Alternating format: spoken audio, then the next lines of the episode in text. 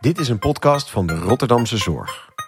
Over uitdagingen en oplossingen voor de zorgarbeidsmarkt van morgen.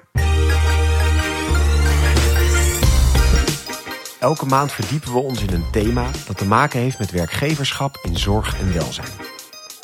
Deze keer is dat Rotterdam als aantrekkelijke werkstad voor zorgmedewerkers.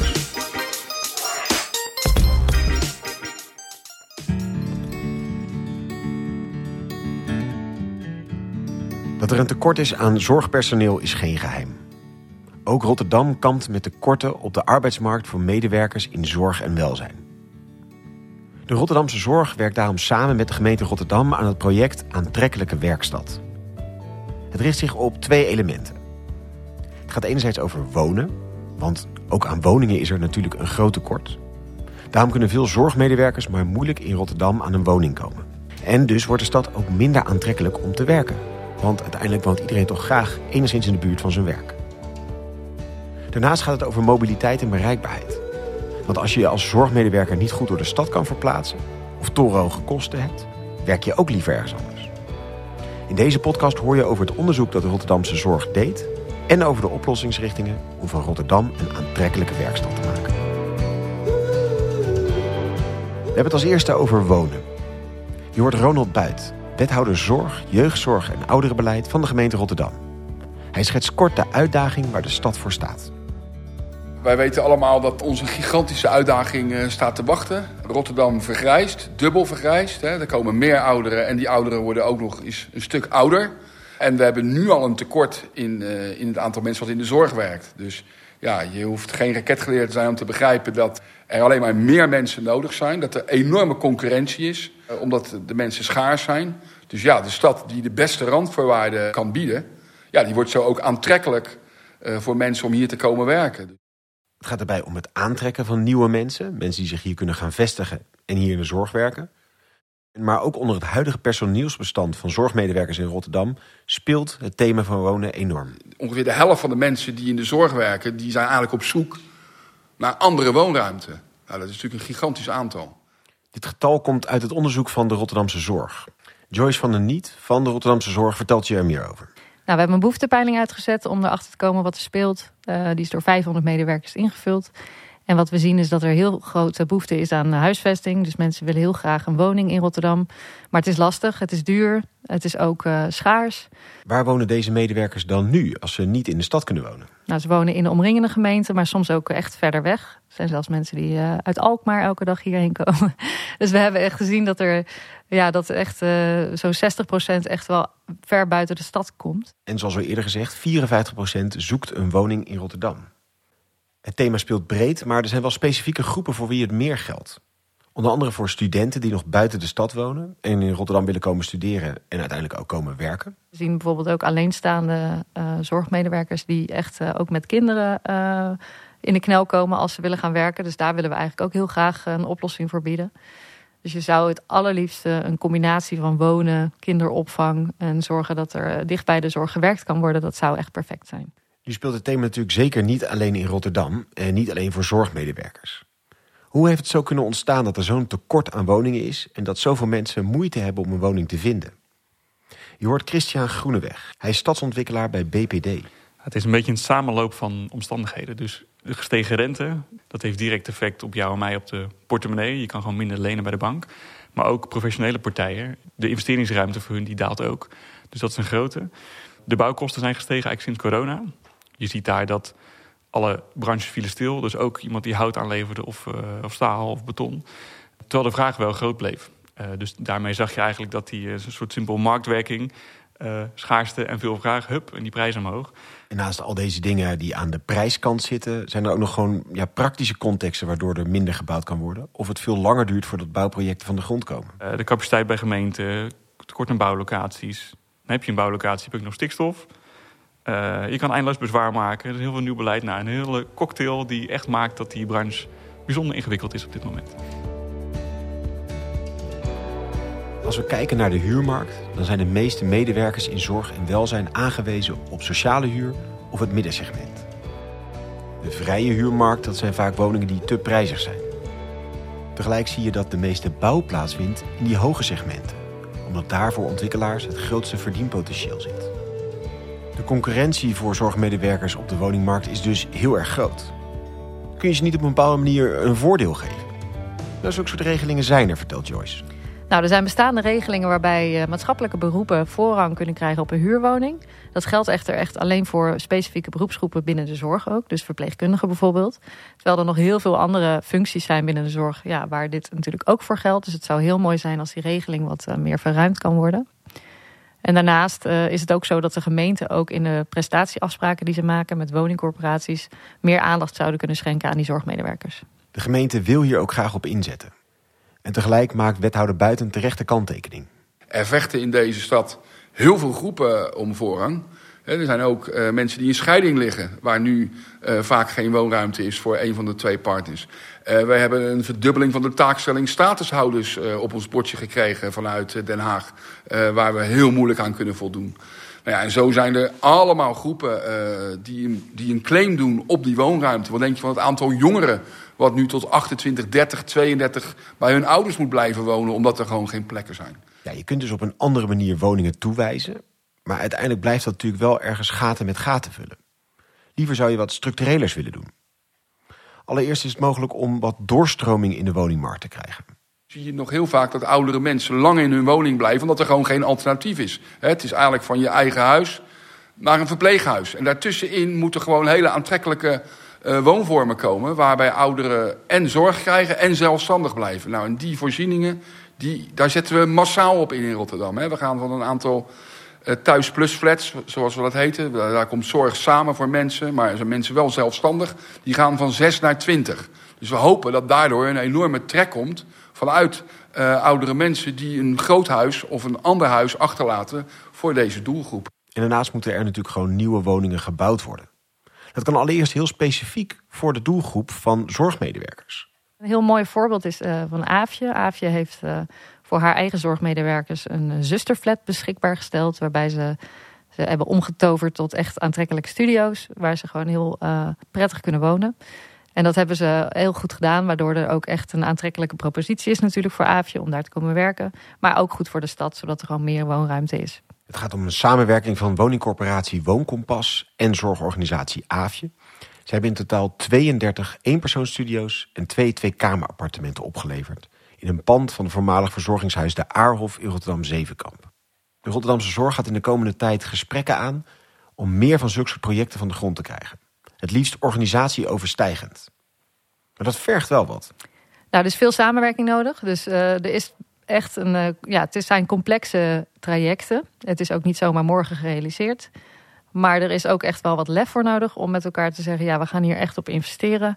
En tegelijkertijd, echt concreet, is er natuurlijk een plek nodig. Uh, dat kan zijn bij een zorginstelling zelf, maar dat kan ook zijn van een gemeente. Een plek die we mogen omkatten zeg maar, naar een woningbestemming. En dan kun je kijken met elkaar welke doelgroepen gaan we aanspreken. En kunnen we ook echt iets aantrekkelijks neerzetten voor deze groep. In de behoeftepeiling is al een uitvraag gedaan naar wat voor type woningen aantrekkelijk zouden zijn voor zorgmedewerkers. Daarbij hebben we gezien dat mensen op zich best wel openstaan voor tijdelijke woningen. En dan tijdelijk moet je denken aan minimaal twee jaar. Um, en dat het ook wel zo is dat mensen heel graag een eigen plekje hebben. Dus liefst een kleine studio met alle voorzieningen, dan voorzieningen delen bijvoorbeeld. Dus daar hebben we al wel naar gevraagd, zodat we weten wat voor soort woonruimte, wat voor soort woonvorm je zou kunnen kiezen als je dit gaat creëren. Met uitzondering van dat anders toewijzen van woningen, zijn dit vooral natuurlijk allemaal projecten van de lange termijn. Voordat je zo'n bouwproject gerealiseerd hebt, ben je gewoon een paar jaar verder. Maar des te belangrijker om die nu in te zetten. En denk daarbij vooral niet te klein, zegt Christian Groeneweg. Het moet duurzaam zijn, het moet uh, klimaatneutraal, er moet groen, en er moeten bomen komen, de waterberging, noem maar op. Als je dat allemaal op één plek, in één gebouw probeert op te lossen, nou, succes ermee. Als je links een buurman hebt en rechts een buurman, dat is bijna onmogelijk. Maar als je zegt, hey, ik kijk naar een wijk, neem bijvoorbeeld Schiebroek in Rotterdam-Noord. Daar heb je meerdere partijen. Er zit Avia, er zit Laurens, er zit Antens, er zit Humanitas. Maar er zitten ook twee corporaties, Havensteden en Hefwonen. Um, als je het dan als gebiedsontwikkeling bereikt en je denkt, hé, hey, we, we bouwen ze wel sociaal aan midden. En dat kunnen we deels doen doordat we ook wat koop toevoegen. En dan kan je zeg maar, de sterke schouders die dragen ook uh, de zwakke schouders. Dan samen kun je iets tot stand brengen op meerdere gebieden. Dus daar zie ik echt nog wel kansen voor, uh, voor de markt en dus ook voor het zorgpersoneel. Maar maak je het daar niet veel complexer mee dan eigenlijk nodig is? Ja, het klinkt heel tegenstrijdig, de puzzel groter maken om hem uh, makkelijker te maken. Maar omdat je die veelvoud aan problematiek hebt, kun je het niet op één kaveltje oplossen. Je moet je het breder trekken en dus ook meerdere doelgroepen en belangen bedienen. Dus gek genoeg, hoe breder je het maakt, hoe groter de kans op slagen. En er zijn ook financiële regelingen om ja, net even dat extra zetje te geven. Ja, je ziet vaak bij projecten dat ze nu net niet rondkomen, dat er financieel nog een klein gat is. En wat mooi is met de startbouwimpuls, of het doorbouwakkoord, specifiek voor de gemeente Rotterdam, um, is dat die regelingen er zijn, zodat ze net wel dat laatste zetje kunnen geven. Um, specifiek betekent het dat de gemeente of het Rijk per woning een financiële bijdrage geeft. En dat is super dat het nu in deze tijd net wel lukt in plaats van net niet.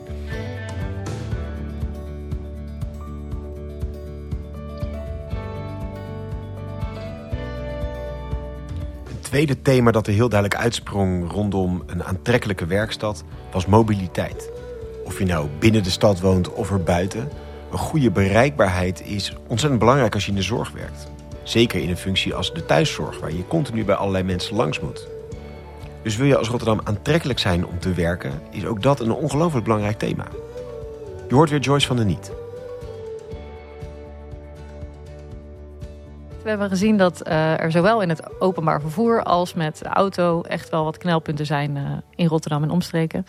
Ook daarvoor hebben we een behoeftepeiling uitgezet om in kaart te brengen waar de zorgmedewerkers zoal tegenaan lopen.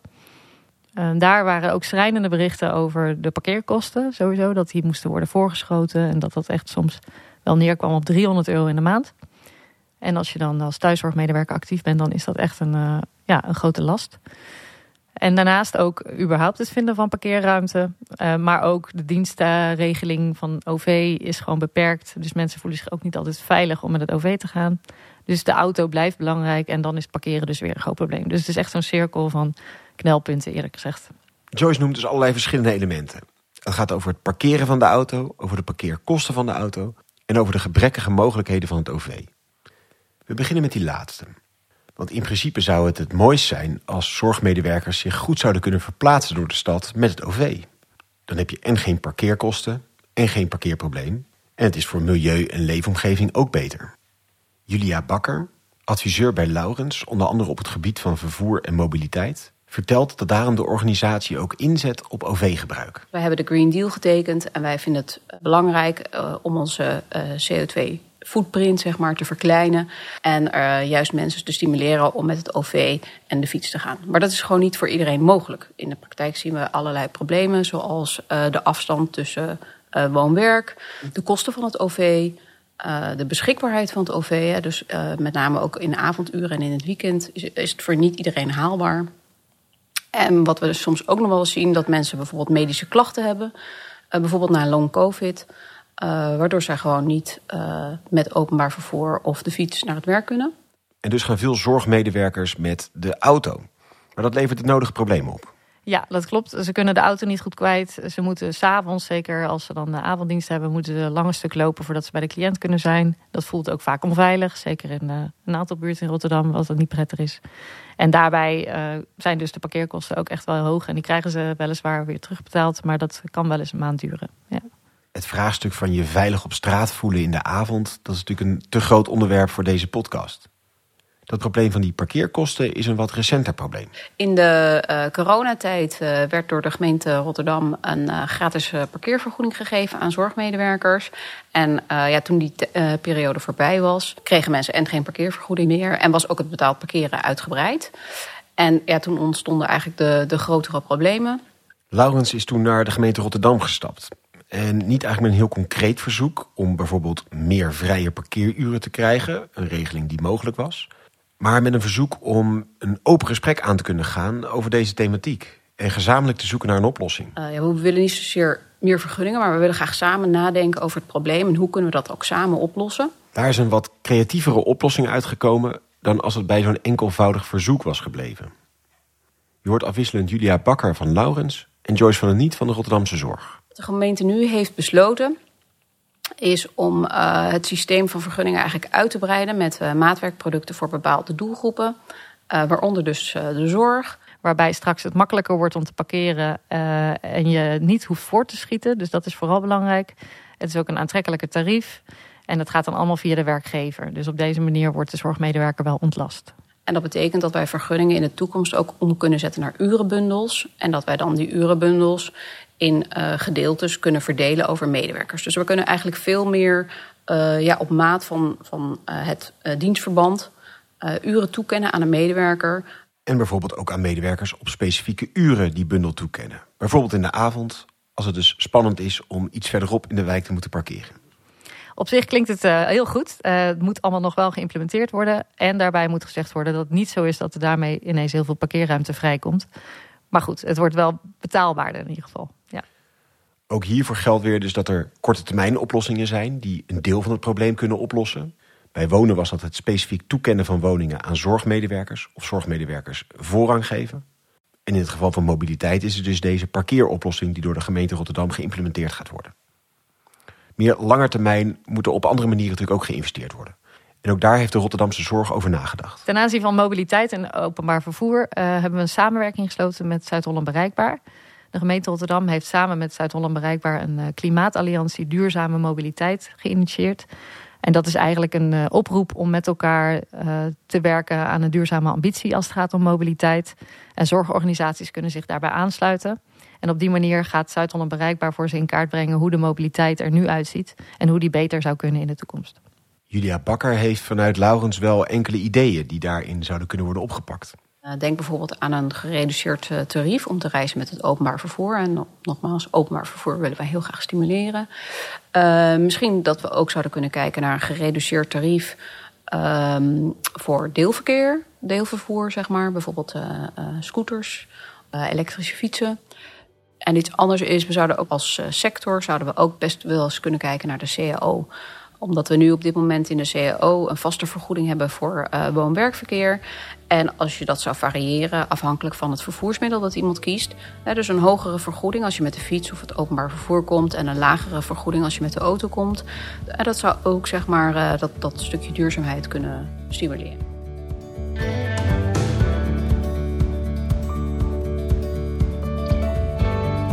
Nou, het project is uh, weliswaar afgerond, maar het werken aan die oplossingen dat is eigenlijk pas net begonnen. Uh, Zuid-Holland Bereikbaar gaat aan de slag met alle grote zorgkoepels om uh, duurzame mobiliteit te verbeteren. En de gemeente gaat het nieuwe parkeerbeleid na het eerste kwartaal 2024 implementeren. En wat betreft huisvesting, ja, daar zijn de bestuurders van de zorg, onderwijs en gemeente echt aan zet om met elkaar uh, de handschoen op te pakken en echt concrete kansen te gaan benutten voor zorgmedewerkers. En dat zal niet makkelijk zijn, maar we willen heel graag wel de oproep doen om met elkaar creatieve oplossingen te zoeken. En echt te kijken naar uh, ja, vormen die voor de zorgmedewerkers echt meerwaarde opleveren. Wil je meer weten over het onderzoek en de oplossingsrichtingen die de Rotterdamse Zorg heeft gevonden? Kijk dan op de rotterdamsezorg.nl slash podcast.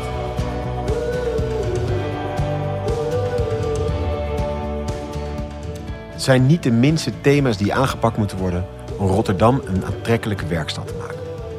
Dat vergt grotere keuzes voor de lange termijn. Grote oplossingen die verder gaan dan alleen het thema van zorgmedewerkers. Dat moet niet verlammen, maar juist aanzetten tot actie. En hoewel wonen en mobiliteit een hele hoop groepen aangaat, moet die specifieke groep van zorgmedewerkers echt niet uit het oog verloren worden. Het is wel heel goed om je te beseffen dat deze groep, juist deze groep, als we die niet goed bedienen, dat we straks gewoon echt in de knel komen met de zorg. En dan gaat die zorg nog meer onder druk staan. Dus dan kunnen we die continuïteit van zorg in Rotterdam gewoon niet garanderen. En daar proberen wij ons altijd voor in te spannen, maar dat vragen we ook echt van alle betrokken bestuurders en partijen om echt met elkaar te kijken naar het gezamenlijk belang voor de regio.